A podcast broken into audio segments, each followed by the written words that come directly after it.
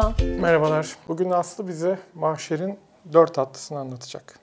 Evet nedir bu dört tatlı? Daha Evet. doğrusu neyin nesidir oradan girelim. Şimdi şöyle mahşerin dört tatlısı Gottman çift terapisinde tanımlanan dört yıkıcı davranış aslında. Belki başka bir yayında Gottman çift terapisinden bahsederiz ama çok kısaca şundan bahsetmek isterim. Gottman çift terapisi e, yaklaşık 40-45 yıldır devam eden uzun süren boylamsal araştırmalar sonucunda geliştirilmiş bir çift terapisi yöntemi. Yani bu kadar yıl içerisinde çiftleri flört etme döneminden işte evlenmeleri, belki çocuk sahibi olmaları gibi çok uzun dönemlerce gözlemledikleri, sadece gözlemler de değil, çok detaylı araştırmalar sonucunda elde edilen bilimsel verilere dayanan bir çift terapisi yöntemi. Dolayısıyla tüm bu gözlemlerden ve araştırmalardan doğru bütün ilişkilerde özellikle çift ilişkilerinde ilişkileri sonlandırmaya götürebilecek kadar kuvvetli dört yıkıcı davranış mahşerin dört tatlısı. Evet aslında bu çiftler arasında gözlemlenen olumsuz davranışlar belki değil mi? Evet. İlişkiyi zora sokan veya bitirme noktasına gelen. Ee, zaten hani bilenler veya meraklılar biliyordur. Mahşerin dört tatlısı aslında bazı dini kaynaklarda kıyamet habercisi olarak geçiyor. Burada da gerçekten bu kadar kötü ki herhalde mahşerin dört tatlısı demişler değil mi? ilişkileri bitti, sona götürebilecek kadar yıkıcı davranışlar aslında bunlar. Evet, tamam ilişkinin bitmesi de zaten ilişkinin kıyameti diyebiliriz sonuçta. Evet belki. Ee, Bu arada bu dört davranıştan bahsederken şunu da görüyor olacaksınız. Bu dört davranış tüm ilişkilerde ilişkiye zarar veren şeyler aslında. Dolayısıyla buradan burada konuşacağımız bilgileri tüm ilişkilere genelliyor olmak, tüm ikili ilişkilere genelliyor olmak ilişkilerinizi güçlendirmenize yardımcı olabilecek öneriler de olacak aslında. Yani çiftler arasında değil, diğer ikili ilişkilerde de yapılmaması gereken Evet, şeylerden kesinlikle. bahsedeceksin. Tamam. Peki birinci atlıdan başlayalım o zaman. E, mahşerin ilk atlısı eleştiri. Eleştiri aslında dilimizde ne kadar çok, günlük hayatta ne kadar çok kullandığımız şey. Eleştiri deyince genellikle şu soru geliyor. E, hiç şikayetlenmeyecek miyiz? Biz memnuniyetsizliğimizi nasıl dile getireceğiz diyor çiftler.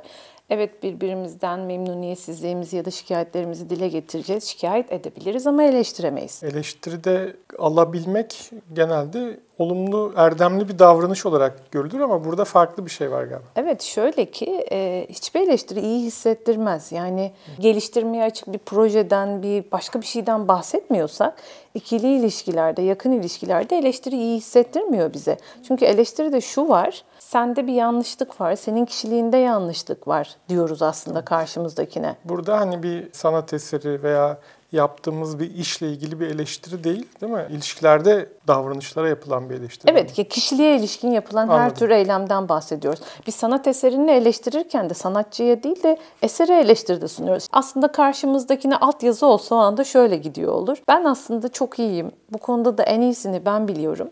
Aslında sen de benim bildiğim gibi benim dediğimi yapıyor olsan hiçbir problem kalmayacak. Çünkü sorun sende, senin kişiliğinde bir hata var. Mesajı verdiği için karşı tarafa bunu karşılamak, buna karşılık vermek çok zor. Buna sakin kalmak da çok zor. Çünkü yıkıcı bir şey var burada. Peki bazı ilişkilerde daha fazla eleştiri var değil mi? Niye bu kadar hani insanlar eleştiriyor birbirini? Evet bazı partnerler diğerlerine göre daha fazla eleştiriyor oluyor. Bunun iki nedeni var aslında. Bir tanesinde şu var. Ee, karşı tarafta aslında ilk başta eleştiri olarak başlamıyor belki. Partnerlerden biri şikayetini dile getiriyor, talebini dile getiriyor ama karşınızda sürekli duyarsız bir partner görmeye başladığınızda ya da duygusal olarak orada olmayan bir partner olduğunda bir süre sonra bu şikayetlenmeler ya da işte talepler eleştiriye dönmeye başlıyor. Çünkü duyarsız birine ya da tepki vermeyen birine karşı sessiz kalmak çok zor ve bunun çözümü de iki partner de aynı anda davranış değişikliğine gitmeleri gerekiyor. Burada şey var, bir taraf olumlu başlasa bile iletişime ama karşı taraftan cevap alamayınca bu zamanla eleştiriye dönebiliyor diyorsun değil mi?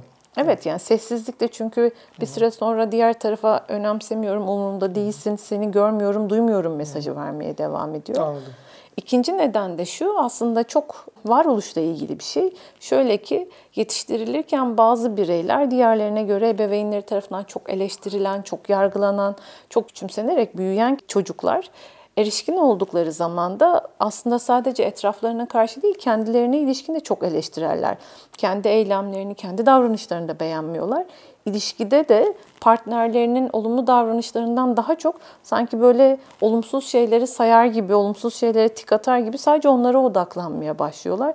Dolayısıyla çok büyüm öğrenmeyle ve böyle büyümeyle ilgili bir nedeni de var. Yani yetiştirilme tarzı eleştirel yetiştirildiğimizde hı hı. biz de eleştirel birine dönüşüyoruz. Peki hani eleştiri demişken bununla ilgili bir örnek üzerinden konuşsak. Hani Olur. çiftler arasında en çok en çok demeyeyim de bizim belki en çok sorun yaşadığımız diyeyim. Hani çiftlerden birisi diyelim ki işte hazırlanılacak, bir yere çıkılacak. Bir tanesi dakik zamanında hazırlanıyor, işte kapıda oluyor. Diğeri daha yavaş hazırlanıyor diyelim.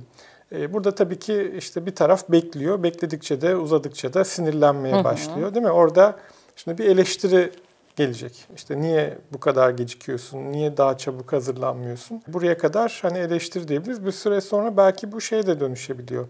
Ne diyebilir mesela? İşte çok yavaşsın, uyuşuksun, bıktım senden sürekli böyle yapıyorsun, beni geç bıraktır, geç kalmama neden oluyorsun gibi. Evet bu da bir eleştiri. Sonuçta. Evet yani şimdi buna eleştiri yapan şey ne? Burada ne istediğine dair bir karşı tarafın beklentisine dair bir bilgi yok burada. Hı.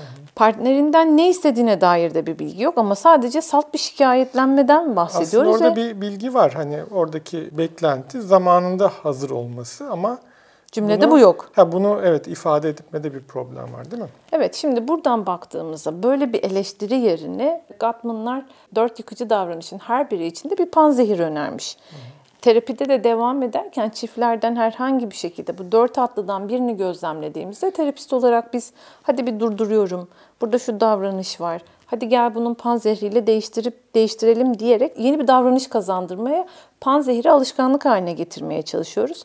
Dolayısıyla eleştirinin panzehrinde de şu var. Yumuşak başlangıç dediğimiz bir şey var. Yumuşak başlangıç dediğimiz şey kişinin gayet nazik bir şekilde durumu tanımlaması, duruma ilişkin duygusunu tanımlaması ve ne istiyorsa partnerinden açıkça bunu ifade etmesi.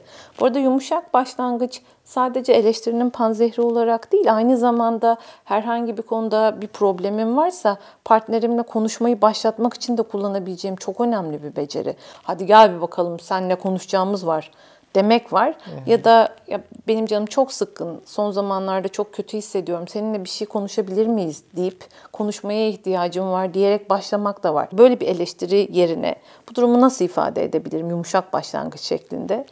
Biliyorsun benim için zamanında hazırlanmak ve evden zamanında çıkmak çok önemli. Geciktiğimizde çok öfkeleniyorum. Lütfen bir sonraki sefere çıkacağımız saatte biraz daha dikkat edersen ben daha iyi hissederim demek. Çok açık bir şekilde zamanında hazır ol diyorum aslında ve bunu söylerken ona ilişkin, onun kimliğine, kişiliğine ilişkin herhangi bir yargılamam yok. Benim ihtiyacım, benim duygum ve ne istediğimi söylüyorum. Evet bu da zaten meşhur ben dili oluyor değil mi? Hani durumu tanımlıyoruz, problemi tanımlıyoruz ne hissettiğimizi ve ne beklediğimizi söylüyoruz değil mi? Bu evet. aslında ben diliyle ifade etmek. Orada çok ince bir nüans var bazen. Şimdi ben dilini öğrenirken e, bunun yanlış kullanımı da var. Kişiler ben dilini kullandığını ifade ederek de eleştiriyorlar. Hmm. Ben senin aptal olduğunu düşünüyorum dediğinde bu ben dili olmuyor. Oradaki ben, ben bir şey ifade etmiyor. Cümle, yani ben dili demek cümleye benle başlamak demek değil. Aynen öyle. Olayın Hı-hı. sizin üzerindeki etkisini söylemek oluyor. Evet. Tamam. Peki başka bir teknik yöntem var mı? Hayır yani mühim olan şey olabildiğince nazik olmak. Lütf, bir şeyi o talebimizi dile getirirken lütfen demek. Hı-hı. Ricada bulunmak önemli. Kendi duygumuzu ve kendi ihtiyacımızı olabildiğince açıklıkla ifade etmek önemli. Ne istiyorsak onu birebir söylemekten bahsediyoruz. Tabii burada şey de var. Tamam bir taraf ben diliyle nazik bir şekilde anlattı beklentisini ama karşı taraf buna duyarsız veya işbirliği göstermiyor. Hani burada da çok işe yaramıyor değil mi? Yani bu çift ilişkisi iki taraflı bir şey. Yani bir taraf adım atarken diğer taraf diyelim adım atmıyor. Ne yapacağız o zaman? Böyle bir yerde şu çok zor yani. E, siz eleştirinin zararlı ve yıkıcı bir davranış olduğunu bilip bunu söylemekten geri durdukça az önce söyledim ya başla, başlangıçta söylediğim bir şey vardı. Bir süre sonra işte eleştiriden yanlış olduğu için kaçınmaya çalışıyorum. Ama karşı taraf ya duyarsız kalmak ya da eleştirmeyle karşılık vermek ya da savunmayla karşılık vermeye devam ettiğinde ben de o kadar sakin kalamıyorum. Kalmak da çok zor burada. O yüzden zaten ilişkiye zarar veriyor. O yüzden iki kişinin aynı anda bir davranış değişikliğine gitmesi bu yüzden çok önemli. Tek başımıza ilişkiyi iyi bir yere de götüremeyiz. Tek başımıza bir ilişkiyi kötü bir yere de götüremeyiz. Çok iki kişilik bir şeyden bahsediyoruz. Tek başımıza kötü bir yere götürebiliriz bence ama şey var hani kişi panzehirle bile yaklaşsa dediğin gibi zamanla karşı taraftan tepki alamazsa yine o da ona dönüşmeye başlıyor. Dönüşebiliyor. Evet. Tamam. Peki birinci atlı eleştiri tamam mı? Evet. Belki burada şunu ekleyebiliriz. Eleştirildiğimi hissediyorum ve partnerimin bunu sürekli yaptığını söylüyorum ve ısrarla eleştirmekten geri durmaya çalıştığımda belki şunu söyleyebilirim. Ya eleştirildiğimi hissediyorum. Bu beni çok incitiyor. Neye ihtiyacım var? Bana bunu söylersen sana yardımcı olabilirim deyip belki ona panzehre bu şekilde dolaylı yoldan karşımdakini buna yönlendirebilirim. Hı. Bu da işe yaramıyorsa bir yerden sonra kişinin taşmaması çok zor ya da kişinin tekrar o döngüye girmemesi çok zor. Anladım. Tamam. Peki ikinci atlıya geçelim istersen. İkinci atlı eleştiri neyi doğurur? Savunma. Evet. Hemen herkesin aklına eminim bu geliyordur. Evet, birisi sizi eleştirmeye başlarsa siz de kendinizi savunmaya başlarsınız. Ama tam da bu nedenden dolayı savunma aslında nasıl yıkıcı bir davranış gibi geliyor. Niye yıkıcı bir davranış Kendimizi savunma? Kendimizi savunmayacak mıyız mesela? Evet ya da bu geliyor. Neden savunma yıkıcı bir davranış? Savunmada da şu var aslında bütün problemle karşı tarafı yalnız bırakıyorum ve diyorum ki burada ne olup bitiyorsa bu seninle ilgili hiç benle ilgili değil deyip aslında kendi savuşuyorum. Hmm. Problemden uzaklaşıyorum ve sorumluluk almıyorum. Partnerimi de bu sorunla yalnız bırakıyorum. Ama neyi biliyoruz ilişkilerle ilgili? Olan her şey iki kişilik. Dolayısıyla ufak ya da büyük bir şekilde partnerimin hissettiği ya da deneyimlediği şeyde benim de bir katkım var. Bu şu demek değil, bilinçli olarak zarar vermekten, bilinçli olarak yıkmaktan bahsetmiyorum. Ben belki bambaşka niyetli bir eylemde bulunuyorum ama bu davranışım onu yıktıysa bunu duyduğumda ama hayır sen yanlış anlamışsın ben öyle yapmadım demek yerine önce şunu demek lazım. Çok üzgünüm, böyle hissettirdiğim için çok üzgünüm, bunu fark edemedim dedikten sonra ne olduğunu anlatabiliriz. Ama önce bu hisse neden olan benim davranışım. Diyelim e, karşı taraf eleştirdi, öbürü de savunmaya geçti. Nasıl bir cümle orada savunma olabilir? Savunma birkaç şekilde olabilir. Birincisi şöyle olabilir. Daha kendini acındıracak bir yerde hep zaten ben böyle şeylerden suçlanıyorum. Yine benim değil mi? Her şeyin sorumlusu benim demek bir savunma. Ama sen de e, hep aynı şeyi söylüyorsun sanki sen yapmıyor musun deyip karşıt bir savunma, karşıt bir eleştiriyle dönmek de bir savunma. Ha, anladım. Sadece kendini savunmak değil belki karşı tarafa eleştirmek de değil mi? Sen kendine bak dese mesela. Belki. Kesinlikle bu da bir savunma. Da bir, tamam. Yani ele, ya da şöyle bir şey daha hiçbir durum olmadan ortada sorun yokken bir eleştiri gelmeden bile eleştirileceğini ya da oradan gelebilecek herhangi bir suçlamayı düşünerek onu savuşturmaya çalışmak. İşte eve geldim örneğin e, ışıkları açık unuttum ve partnerimin bu konuda çok hassas olduğunu biliyorum. Gelir gelmez ışıkları açık gördüğümde hemen şunu söylemek. Aa ben yapmadım ışıklar açıkmış hiç benimle ilgili değil evden en son sen çıkmıştın demek. Aslında hmm. direkt savunmayla başlayıp hiç oraya girmemeye çalışıyorum. Hemen savuşturmaya çalışıyorum suçlanmamak için öngördüğüm yerden. Savunma yerine ne yapacağız? Yani savunmanın panzehri nedir? Savunmanın panzehrinde de şu var. Dediğim gibi önce olayda küçük ya da büyük benim etkim neyse onu kabul ediyorum. Ardından illa şunu açıklamak istiyorsam beni yanlış anladın. Aslında oradaki niyetim buydu demek istiyorsan bunu ondan sonrasında söyleyebilirim. Mesela az önceki örnek üzerinden gidelim. Tamam. Ee, böyle bir yerde ama sen de bunu yapıyorsun. Sen de bazen geç kalıyorsun demek yerine. Veya senin yüzünden geç kalıyorum. Sen de bana yardım etseydin geç kalmazdım dediğinde aynı şey oluyor değil Evet. Mi? Bunun yerine şöyle demek belki. Çok üzgünüm geç kaldığında bu kadar öfkelendiğinin farkında değildim. Bundan sonra biraz daha dikkat ederim ama hazırlanmaya giderken diğer şeylerle uğraşıyor olmak çok zaman kaybettiriyor. Sen de buna yardımcı olursan çok sevinirim demek. Şimdi ne yaptım burada? Aslında şunu yaptım. Birincisi onun öfkelenmesini fark edip bunu kabul ettim. Öfkelenmene neden olduğum için üzgünüm dedim. İkincisi ne yaptım? Yine amam geldi ama orada şunu söyledim. Bundan dolayı ben geç kalıyorum ve buna bana yardım edebilir misin diyorum. Dolayısıyla yine durumu söylüyorum. Ama böylece partnerim de durumla ilgili bir şey öğreniyor. Ben de bir şey öğreniyorum onunla ilgili. tabii bu kadar nazik değil mi? Böyle işte ben dili kolay değil. Yani bizim kültürümüz buna çok alışkın değil. Hani duygumuzu söylemeye, değil mi? Problem tanımlamaya, nezaketli ifadeye çok alışkın değiliz. Hani bazen şimdi ben de danışanlarla konuşurken bunları anlattığımda e, komik geliyor e, danışanlara. ya bunu ben nasıl diyeceğim diye. Hatta ebeveynlerle çalışıyorum ben. Hani çocuklara nasıl yaklaşacakları konusunda örnekler veriyorum. Onlar da bazıları deniyor sağ olsunlar. Çocuklar şey diyormuş bazen, anne sen değişik konuşmaya başladın. Niye böyle konuşuyorsun? Diyorum merak etmeyin yoluna girecek. Birdenbire kolay değil değişikliği. Ama zamanla gerçekten iyi hissettiriyor. İki tarafa da iyi hissettiriyor. Çocuklar da çok memnun oluyorlar bundan. Ya şöyle düşünün. Hangimiz iyi hissetmeyiz ki? Yani kim kişiliğine bir sıfatla, bir hakaretle karşılık verilmesini kim hangimiz ister? Bir de şöyle bir şey var. Çok önemli bir şey söyledin. Terapi sürecinde de şunu fark ediyoruz danışanlara sen çok eleştirelsin, sen şöyle bir yerdesin demiyoruz aslında.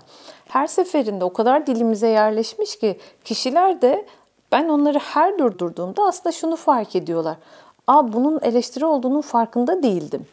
Çünkü o kadar günlük dile yerleşmiş bir şeyden bahsediyoruz ki ya da bazen belki mesleğimiz, belki işte bulunduğumuz konum gereği dili çok profesyonelce kullanırken hiç eleştiri yapmadığımızı sanıyoruz. Ama çok eleştirel ifadeler var. Kültürümüz de Akdeniz kültürü değil mi? Çok böyle iç içeyizdir, hmm. çok sınır bilmeyiz.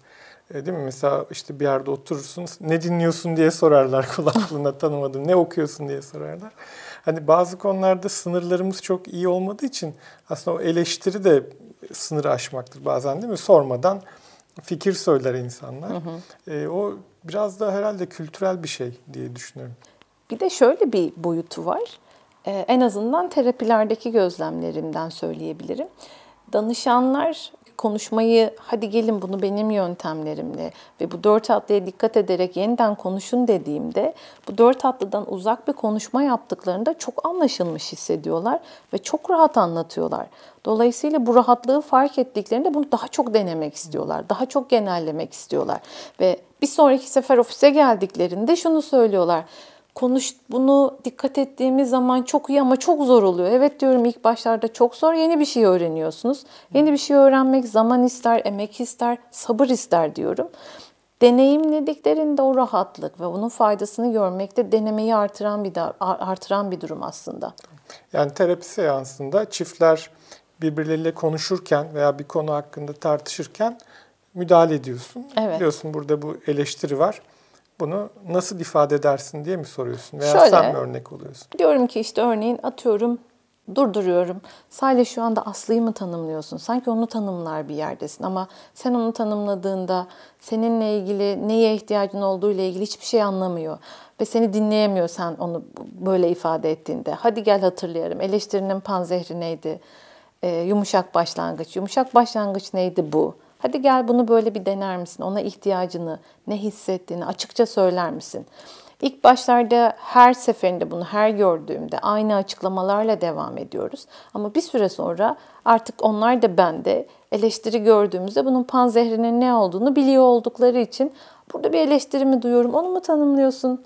Ne yapıyorduk? Hadi ihtiyacını söyle deyip daha kısa geçmeye başlıyoruz. Yani orada bir beceri de kazandırmış oluyorsun. Evet. Tabii şimdi terapi deyince veya çift terapisi deyince insanların kafasında çoğu zaman çok bir şey canlanmıyor. Hatta böyle bizi barıştıracak değil mi? Böyle bir, bir ilişkimizi kurtaracak ama aslında orada yaptığım bir beceri kazandırmak değil evet. mi? Problemler üzerine konuşma becerisi kazandırmak. Diyalog geliştirmeyi öğretmek hmm. aslında. Yani terapi olmaksızın hayatlarında bundan sonrasında o ilişkiyi sürdürebilmeleri için gerekli olan iletişim becerilerini hmm. kazandırmak. Belki bunu ileriki süreçte e, Gatman çift terapisini çok detaylı konuşurken çift terapisinin amacı ne, nasıl oluyor ile ilgili daha detaylı konuşuruz. Olur belki bir sonraki videoyu onunla Hı-hı. ilgili yaparız. Burada belki şunu da vurgulamak lazım. Hani az önceki konuya dönersek çiftlerin aslında her konuda anlaşması gerekmiyor değil mi? Hani bunu daha önce de konuşmuştuk seninle. Problem üzerine konuşabilme becerisi aslında. Sonuçta hepimiz farklı kültürlerden geliyoruz. Bambaşka dünyalardan geliyoruz. Eğitim aldığımız yerler farklı. Bizi yetiştirilen insanlar farklı. Zaten çok büyük oranda anlaşıyor olmak bana ilginç geliyor. Hatta senin böyle oranlar vardı. Değil mi? Genelde büyük oranda anlaşamıyorlar birçok konu üzerinde ama amaç orada o konu üzerine tartışabilme becerisi kazanmak. Yanılıyor Evet. Yani Gottman çift terapisindeki o baştaki açıkladığım yerde araştırmalar, araştırma bulguları şunu gösteriyor. Güçlü ve mutlu ilişkilerde bile ilişkilerdeki problemlerin %69'u çözülmüyor. %69'u dediğim şey çok büyük bir rakam. Yani Tabii. %31'den bahsediyoruz Tabii, tabii, çözülebilir. %31 ile yaşıyoruz. Evet, Şimdi %69'da ne var? Salihi salih yapan değer yargıları, onun inançları, onun dünya görüşü, onun karakteriyle ilgili şeyler. Bir de Aslı var burada. Aslı da Salih'ten başka bir birey. Dolayısıyla aramızdaki bu farklılıklar bir şekilde bazı noktalarda ya da hayallerimiz var. Bir şekilde değer yargılarımız ya da işte bu bahsettiğimiz farklılıklar herhangi bir durumda çakışıyorlar konuyla ilgili konu A konusu, B konusu, C konusu oluyor. Ama alta baktığınızda hep aynı yerden buluyoruz. Yine aynı şeyi tartışıyor oluyoruz. Dolayısıyla iş- ilişkideki işte bu tekrar eden döngüler de tam bu %69'a geliyor. Böyle bir durumda da şunu söylüyorum zaten çiftlere. Bu sayıyı verdiğimde o bayağı büyükmüş falan de, diyorlar ve ben de şunu söylüyorum. Problemleri çözmek değil, problemleri yönetmekten bahsediyoruz. İşte yönetmek de iyi bir iletişimle oluyor. Sağlıklı iletişimle oluyor. %69 demiştin ama aslında iyi bir oran. Hani beni rahatlatıyor. Yani hep de her şeyde anlaşmak zorunda değiliz değil mi? O güzel bir oran aslında. Anlaşmaktan daha çok şöyle farklıyız. Ve bu farklılıklarımızla ilişkimiz zengin. Bu farklılıklarımızla bir şeyimiz var. Ee, Bunları anlayabiliriz, bunların ne olduğunu öğrenebiliriz ve dolayısıyla bunlarla ilgili diyalog geliştirmeyi sağladığımızda farklı olmamıza rağmen gayet mutlu ve birlikte bir ilişki sürdürebiliyoruz. Evet burada belki en büyük kriz herhalde e, bir çocuktan sonra çıkar diye tahmin ediyorum. Hani bireyler beraber yaşarken hani o farklılıklar bir şekilde tolere edilebiliyor ama dünyaya bir çocuk getirdiğinde o çocuğa verilecek işte eğitim değil mi ona işte yaklaşım çok farklı düşünülebiliyor. Belki burada daha çok önem kazanıyor bence çiftlerin konuşabiliyor olması problemler üzerine. Kesinlikle belki başka bir sefer konuşulacak bir şey. Çünkü Gottman araştırmalarının bebekten sonra diye ciddi yine araştırmaları var ilişkilerde ne olduğuna dair. Bebekten sonra da olan şey yine aynı şey aslında. O %69'umuz konumuz ne? Ebeveynlik, çocuk büyütmek. Ama %69'umuzda bizim farklılıklarımız var. İnanç farklılıklarımız, değer farklılıklarımız. Dolayısıyla gündem sanki çocuğa bir eylem, bir davranış kazandırmakken alta baktığımızda bizim belki inanç sistemimiz çakışıyor. Evet. Dolayısıyla yine oradaki değer yargılar bu kez konu çocuk oluyor ama alttaki şey yine aynı aslında. Peki var mı burada başka ekleyeceğim? Bunu uzattık herhalde bu konuyu. Evet burayı bayağı uzattık. O zaman üçüncü Tamam, atlıya üçüncü geçelim mi? atlı. Hadi bakalım nedir üçüncü atlı? Ee, mahşerin üçüncü atlısı aşağılama. Aşağılamanın sanırım niye yıkıcı olduğu çok anlaşılır bir E, yerde. Tabii bunu geçen de konuşmuştuk. Hani benim gördüğüm en kötü atlı bu. Değil mi? en en kötü aşağılama. Evet. Aşağılamada ne var? Aşağılamada aslında partnerimi diyorum ki ben buradayım, sen burada bir yerdesin, sen ben, beni hak etmiyorsun, layık değilsin diyorum. Onu küçümsüyorum, onu değersiz kılıyorum ve dolayısıyla bu zaten hiç kimseye iyi gelmeyen bir da, yıkıcı bir davranış. Öyle ki aşağılama ilişkilerdeki boşanmanın ve ayrılığın en iyi yordayıcısı. Aşağılama ile boşanma ve ayrılık arasında doğrudan bir ilişki var. Evet boşuna en kötü atlı demiyorum ben. Ve e, aşağılama aslında şundan da doğuyor. İlişkide takdir kültürü yoksa beğenildiğimi, takdir edildiğimi bilmiyorsam aşağılama da zamanla artmaya başlıyor. Dolayısıyla kendi başına partnerimi bu kadar küçümsüyor olmak, bu kadar değersiz kılıyor olmak yıkıcı davranış olması için yeterli. Peki aşağılamaya örnekler verir misin? E, aşağılama ile ilgili genelde çiftlere sorduğum Yani zaman... aşağılama deyince hakaret geliyor kulağa ama Evet. sadece bununla sınırlı değildir. herhalde. Daha fazlası aşağılama farklı şekillerde de oluyor. Sadece sözlerle değil aslında. Bazen dediğin gibi hakaret içeren sözcüklerle olduğu gibi kimi zaman sadece yüz hareketlerimle, alaycı konuşmalarımla, dalga geçmeyle İğneleme de, iğnelemeyle de karşımdakiyle alay edebiliyorum. İşte hmm, evet evet aha, eminim öyledir demek. Ya da alaycı bir gülümseme deriz, bunu hissederiz, fark ederiz. Bu tür şeylerle de karşımızdakini aslında değersiz kılıp onu küçük gördüğümüzü ifade ediyoruz ve dolayısıyla bu yüzden çok zararlı başlı başına. Peki bunun panzehiri nedir? Aşağılamanın panzehiri nedir? Aşağılamanın panzehri de aslında uzun vadede ilişkideki takdir kültürünü geliştirmek. Çünkü neden? E, ilişkinin başındayken çiftler birbirlerinin nefes alışlarını bile takdir ederler, beğenirler. Ay ne güzel nefes alıyorsun derler. Ama zaman içerisinde ne yazık ki bu gitgide azalmaya başlıyor. Ve hatta birbirlerine şöyle söylüyor. E biliyor ya zaten, bilmiyor musun? E seni sevmeseydim burada olmazdım. Seni beğenmesen burada olmazdım. Her seferinde mi söyleyeyim gibi nedenlerle birbirlerini takdir etmek kültürü gitgide gitgide azalmaya başlıyor. Ama genelde bizde yok. Yani bizim gene kültürde çok fazla olumlu bir şeyi gördüğümüzde belirtmeyiz. Mesela restoranda işler kötü gittiğinde gidip müdüre şikayet edebiliriz ama orada bir çalışan işini çok iyi yapıyorsa gidip ya çalışanınız ne kadar nazik veya iyi çalışıyor demeyiz değil mi? Genelde böyle bir olumlu geri bildirim vermede bir sıkıntımız var aslında. Evet aslında ilişkide de uzun vadede hep bu takdir kültürünü, ilgi beğeniyi artırmaya çalışırken çok zorlanır zorlanıyoruz aslında. Bunu ben hep ben de anlatırım çiftlerime. Kültürel olarak çok zoruz burada. Çünkü bizde birazcık daha tevazu göstermek, mütevazı olmak çok şey kabul edilen bir şeydir. Biri size takdir ettiğinde, biri sizi övdüğünde bile onu kabul etmemeniz söylenir. Çünkü kabul ederseniz ukalalıkla, kendini beğenmişlikle suçlanırsınız. Kabul edecekseniz de illa muhakkak karşıt bir şey de söylemeniz gerekiyor. Estağfurullah o sizin güzelliğiniz demek gibi. bir türlü kabul etmeyiz çünkü kabul etmemek öğretilmiş. Evet, ya da işte mütevazilik de değil belki ama. Ama böyle öğretiliyor. Evet, böyle. Kendini beğenme, kendini yüksek görme, peki, övme, başkaları övsün demek var. Peki bir birkaç örnek verir misin mesela ilişkide takdir etmeyle ilgili ne olabilir mesela? Mesela, Çiftler birbirine neyi takdir edilir örnek vermek? Mesela şöyle söyleyeyim. Günlük hayatta her şey olabilir. Yolda yürüyorsunuz. Eşiniz şeyden bahsetti.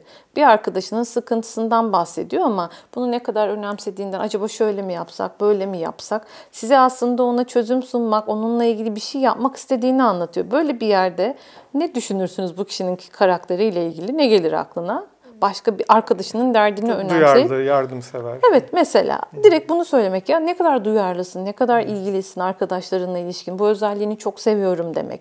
Ve bu özelliğini çok takdir ediyorum demek. Sadece yani takdir ediyorum cümlesi ilk başlarda şey geliyor hmm, ya nasıl filan gibi. geliyor birazcık. Evet ama sadece şunu söylemekle ne kadar duyarlısın demek bile bir takdir aslında. O da küçücük bir şey. Çoğu zaman e, aslında çiftler birbirlerinin hakkında ne düşündüğünü bilmiyorlar. Ya biri diğerinin ne düşündüğünü bilmiyor aslında. Ya varsayımlarla ya da akıl okumalarla e, devam ediyor. Gerçekten böyle küçük de olsa olumlu geri bildirimler iyi hissettiriyordur. Ya da şöyle e, mesela arkadaş gruplarıyla bir araya geldiklerinde de birbirlerini övmek değil de kim kimi daha iyi yerecek noktasında söylüyorlar. Benim eşim şöyle şöyle yapmaz. Oo bizimkinde hiç yapmaz. Öyle ortamda bile iyi bir şey söylemek bile utanç verici. Ya işte niye söyledin ya şimdi ne güzel falan. eşlerimizi çekiştirelim geldi böyle tadımızı kaçırdı falan. Tabii tabii dışlanır hoşlanılmaz da ondan dolayı. Hiç dedikodu yapılmıyor. evet o nedenle e, ne yazık ki kültürel olarak biz takdir etmeyi çok iyi bilmiyoruz. Öğrenmemiz gereken becerilerden de bir tanesi bu. Evet gündelik hayatta da kullanmak lazım. Evet. evet. Çocuğunuza karşı değil mi? İşte eşinize karşı, işte arkadaş. İşte şöyle hizmet düşünün. veren az önce söylediğimiz. Evet. Şöyle düşünün. Mesela iş yerinizde ya da etrafınızda bir arkadaşınız size bir şey söylediğinde, olumlu bir şey söylediğinde o davranışı tekrar etmeye çalışıyorsunuz, artırmaya çalışıyorsunuz. Böyle bir etkisi var. Dolayısıyla hadi gelin bunu ilişkiye evirdiğimiz zaman da ilişkide de aynı şey oluyor. Düşünsenize partnerinizden her seferinde olumlu bir şey duyduğunuzda o davranışı daha fazla sergilemek istersiniz. Ve de onun tarafından bunun fark ediliyor olması daha beni seviyor, benim farkımdaymışı evet, daha hissettirdiği için. Evet değerli ve önemli hissettirir bize. O yüzden çok kıymetli kıymetli bir şeyden bahsediyoruz aslında. Evet, bu panzehirler içinde belki en zoru bu. Yani davranış olarak en yıkıcısı, en kötü atlı bu. Panzehir de sanırım biraz e, bizim kültürde gerçekten kullanması zor gibi geldi bana. Evet eğer buna bir altyapınız varsa rahat edersiniz yani. Ailenizde bir takdir kültürü varsa, bu çok ifade ediliyorsa şanslısınız. Bunu daha kolay yerleştirebiliyorsunuz. Ama bununla büyümediyseniz, hele ki eski kuşaklarda daha da zor. Yeni nesillerde bu daha göz önüne e, çıkan bir şey. Aileler daha fazla, sen daha iyi biliyorsundur, gözlemliyorsundur aileler şimdi çok fazla olumlu geri bildirim veriyorlar. Ama e, biraz daha eski kuşaklarda bu daha zor. Söylerken bile utanıyorlar. Ay şimdi ne söyleyeceğim, neyi takdir edeceğim ki? Hatta şu bile zor. Neyi takdir edeceğim? Eşinizi seviyor musunuz? Evet çok seviyorum. Peki neyini seviyorsunuz? Dediğimde hani tanımlamakta zorlanıyorlar insanlar. İşte bu da aslında zaman içerisinde eminim onda sevdiğiniz bir sürü şey var. Ama bunu sözcüklere dökmediğimiz için aslında kullanmaya farkında bulamıyoruz da bir bir şekilde Veya soruncaya diğeri kadar. acaba eşim bende neyi seviyor da bilmiyoruzdur değil mi böyle? Evet evet Bunu yani acaba beni seviyor mu? Beni beğeniyor musun Hangi gerçekten? seviyor? O nedenle aşağılamanın uzun vadede panzehri ilişkideki takdir kültürünü geliştirmek.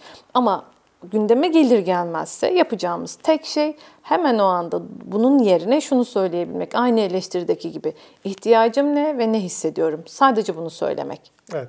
Yani kısa vadede panzehiri Aşağılamamak. aşağılamamak, uzun vadede de e, olumlu geri bildirimler vermek. Yani hadi bir örnekten gidelim mi yine? Tamam. Ee, mesela sen işte bir şey oldu, bir problem oldu. Partnerin bir şey yaptı ve dedim geri zekalı dedim. Hani böyle sözel bir eleştiriden, aşağılamadan bahsedelim. Tamam. Birine aslında bu kadar sert bir kelime kullanıyorsam muhtemelen bendeki duygusu çok öfkelenmektir ya çok kırılmaktır. Hayal kırıklığına uğramaktır belki. Bunun yerine şunu söylemek. Çok öfkeliyim sana demek sadece. Yani aslında rahatlayacağım şey öfkemi dile getirmek. Geri zekalı dediğimde tartışma daha da büyüyecek. Hiçbir fayda sağlamayacak. Ben de rahatlamayacağım. Ama sana çok öfkeliyim dediğimde duygumu ifade etmiş olacağım. Ötekinden çok daha fazla evet, fayda belki sağlayacak. ilk başta konuştuğumuz gibi aslında biraz ben diline geliyor. Orada duygumuzu söylüyoruz ve duygulardan dolayı kimse kimseyi yargılayamaz ama hakaret ettiğimizde hoş olmuyor. Evet. Ya aslında sanırım asıl sorun şunda. Kendimizin çok farkında değiliz. Bütün problem buradan da çıkıyor. Aşağıladığımızın, eleştirdiğimizin farkında değiliz. Dahası ihtiyacımızın farkında değiliz. Çünkü bize çok ihtiyaçlarımız ya da ne istediğimiz sorularak büyütülen çocuklar değiliz büyük bir çoğunluğumuz. Dolayısıyla biri bize ne istediğimizi ya da neye ihtiyaç duyduğumuzu sormadığında biz de kendimizi tanımlamak noktasında, ihtiyacımızı tanımlamak noktasında çok zorlanıyoruz. Aslında büyük bir problem de buradan geliyor. Hadi ona ihtiyacını söyle dediğimde insanlar tıkanıyor bir neye ihtiyacım var? Çünkü o kadar alışmışız ki sen sen sen sen demeye.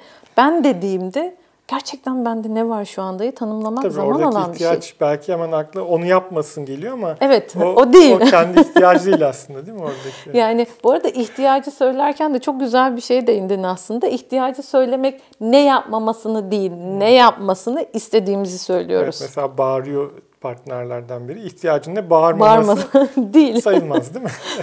Benimle daha sakin konuşur musun? Bir benimle ya da beni konuşurken anlıyor olması ihtiyacım gibi veya bana saygı göstermesi ihtiyacım. evet. Bana bağırmaması ihtiyaç olmuyor. Bu arada aşağılamayı çok varsa ilişkide çiftler bunu şöyle de ifade ediyorlar. Eleştiri ve aşağılama çok varsa bizim aramızda saygı bitti. Artık birbirimize saygı duymuyoruz dedikleri yer aslında burası. Çünkü aşağılamada artık zaten sınırları iyice zorlayıp birbirimizi insan olarak da küçümsemekten bahsediyorum. O nedenle çok yıkıcı, ayrılığı yorduyor olması ya da boşanmayı yorduyor olması da şaşırtıcı değil sanırım. Evet. Peki geçelim mi dördüncü? Olur. Tamam. Nedir dördüncü atlı? Dördüncü atlı duvar örme. Duvar örme dediğim şey ne? Duvar örme dediğim şey de şu. Aslında fiziken ortamda bulunmama rağmen bilişsel olarak ya da tartışmanın içerisinde orada olmamak demek. Seninle burada konuşuyoruz. Sen bana bir şeyler söylüyorsun, muhtemelen eleştiriyorsun, yargılıyorsun belki. Ben buradayım. Ama buradayken işte telefonu alıyorum, telefonu kurcalıyorum, saçımla oynuyorum, sağa sola bakıyorum ya da dik dik gözünün içine bakıyorum. Ve sana hissettirdiğim şey beni duyuyor musun? Ben kime konuşuyorum? Duvara mı konuşuyorum? Sende değersizlik ve geçmiyor hissi uyandıran bir şey. Küsmek de bir duvar örme. mi? Evet, çok Veya ciddi bir işte duvar oda- örmek. odayı terk etme mesela bunlar da. Evet, Yani çok- iletişimi kesmek diyebiliriz herhalde. Evet, orada olmama rağmen aslında oradayım ama orada değil gibi davranıyorum. Bir diğeri de duvar örmenin bir diğer şekli de şu olabilir. Taşmaktan bahsediyoruz. Taşma dediğim şey ne? Nabzımız yüzü geçtiğinde artık stres hormonu dediğimiz kortizol salgılanmaya başlıyor ve o süreden sonra bilişsel olarak algılama becerimiz zayıflıyor. Bu dediğin taşma değil mi? Taşma evet. Aslında bu mahşerin dördüncü atlısı duvar örme ve, ve taşma, taşma. beraber. Evet. hı hı. Ee, ve dolayısıyla o noktadan sonra aslında alıcı olarak alıcı dilim de devrede değil. Sadece algıladığım şey şu. Bir tehlike var ve tehlike anında ya savaşırım ya kaçarım. Yapacağım şey bu. Aslında mantık aynı. Hani duvar örmede belki kasıtlı bir duvar örme var. taşmada da kişi artık değerlendiremiyor Evet. durumu. O da aslında bir nevi duvar örme Evet, ve evet. kontrol dışı olarak tamam. Evet. Şimdi oturdu. Bu arada duvar örme araştırmalarda, bu Gottman araştırmalarında gördükleri şey şu. Duvar örme en çok erkekler tarafından sergilenen bir davranış. Ya orada aslında bizim amacımız şey hani tadımız kaçmasın. Hani tatsızlık çıkmasın diye biz yoksa kötü niyetimiz yok bizim. Yani keşke öyle olsa. Aslında orada olan çoğu zaman olan şey şu. Her zaman çok bilinçli ve farkında olunarak yapılan bir şeyden de bahsetmiyorum aslında. Çalışınca duvar ören partner de bunu fark ediyor. Aslında orada öyle bir şeyler oluyor ki o duyguyla başa çıkamıyor. Başa çıkamadığında kendine dönüyor bir anda. Ve dolayısıyla kendi içinde şey değil seni takmıyorum, seni görmüyorumla ilgili bir derdi yok aslında. Kendi içinde koca bir dünya dönüyor. Ama duvar ören biri varsa karşısındakine giden mesaj seni önemsemiyorum, seni görmüyorum. Böyle hissettirir. Taşmada da dediğim gibi artık fiziksel olarak vücudunuz bu noktadaysa, bu kadar stres altındaysanız anlamanız, anlamlandırmanız, duymanız mümkün değil. Evet iletişim bitiyor ve Bitiyor, problem evet. çözecek duruma gelemiyorsunuz. Evet ve zarar verir duruma geliyorsunuz. Hatta uzun vadede sürekli taşmalar, duvar örmeler varsa yani yüksek uyarım varsa bu ne demek? Sürekli kortizol hormonunun normalden daha fazla salgılanması demek. Ve biliyorsunuz kortizol hormonu aslında bağışıklık sistemimizi zayıflatan bir şeyden bahsediyoruz. Bilişsel fonksiyonlarımıza zarar veren bir şeyden bahsediyoruz. Uzun vadede bizi hasta ediyor aslında. Daha çok da biz duvar örüyorsak biz erken ölüyoruz. Evet yani dünyadaki araştırmalara baktığımız zaman şöyle e, dünyada bu sadece Türkiye'deki araştırmadan bahsetmiyorum. Çok kapsamlı birden fazla ülkenin baz alındığı bir araştırmada şunu görüyoruz. En çok depresyona girenler kim? Kim? Kadınlar. En çok intihar edenler kim? Erkekler.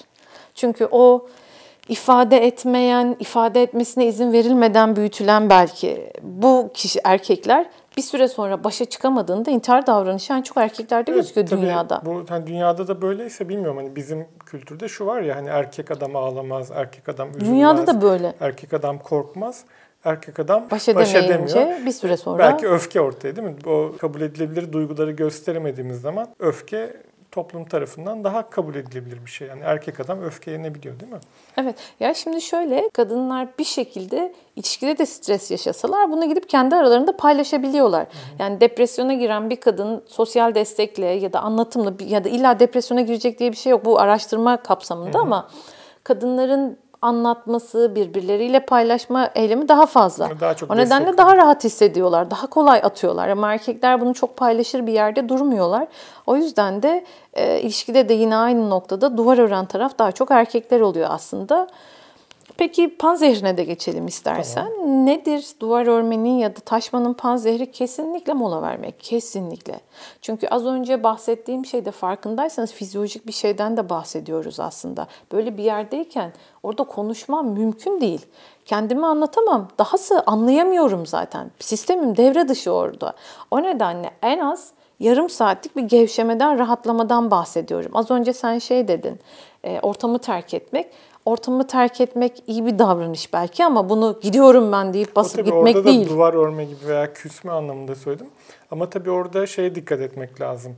Hani mola verilimi de duvar örme gibi kullanmamak lazım değil mi? Evet.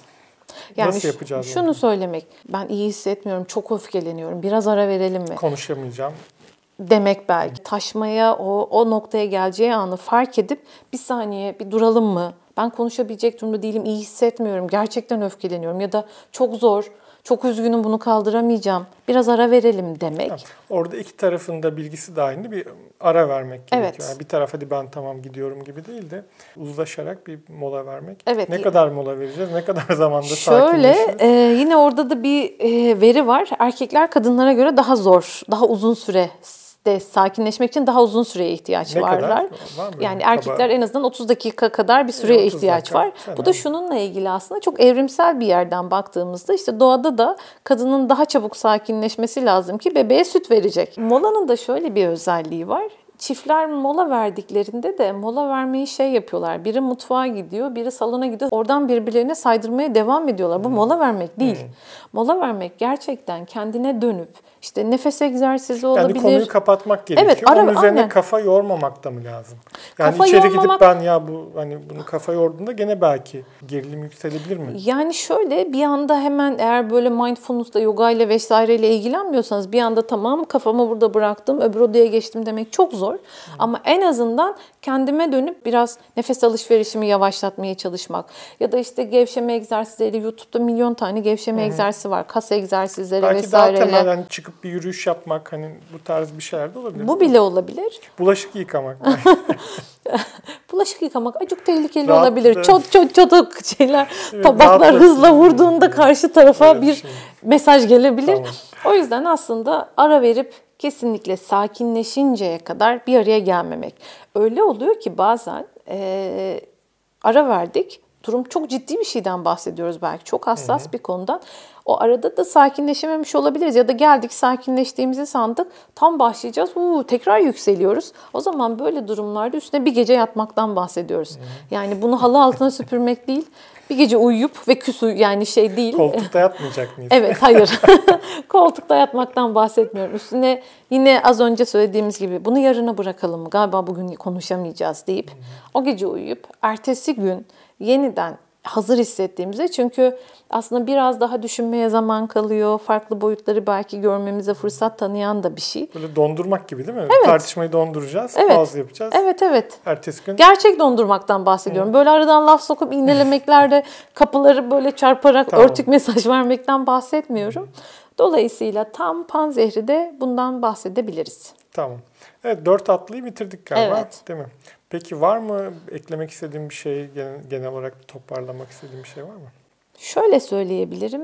e, farkındaysanız bahsettiğimiz dört hatlı tüm en başta söylediğime dönüyor olacağım aslında. Bütün ilişkilerde gözlemlediğimiz şeyler. Ama biz buradaki konuşmada romantik ilişkiler bazında bu konuyu aldık.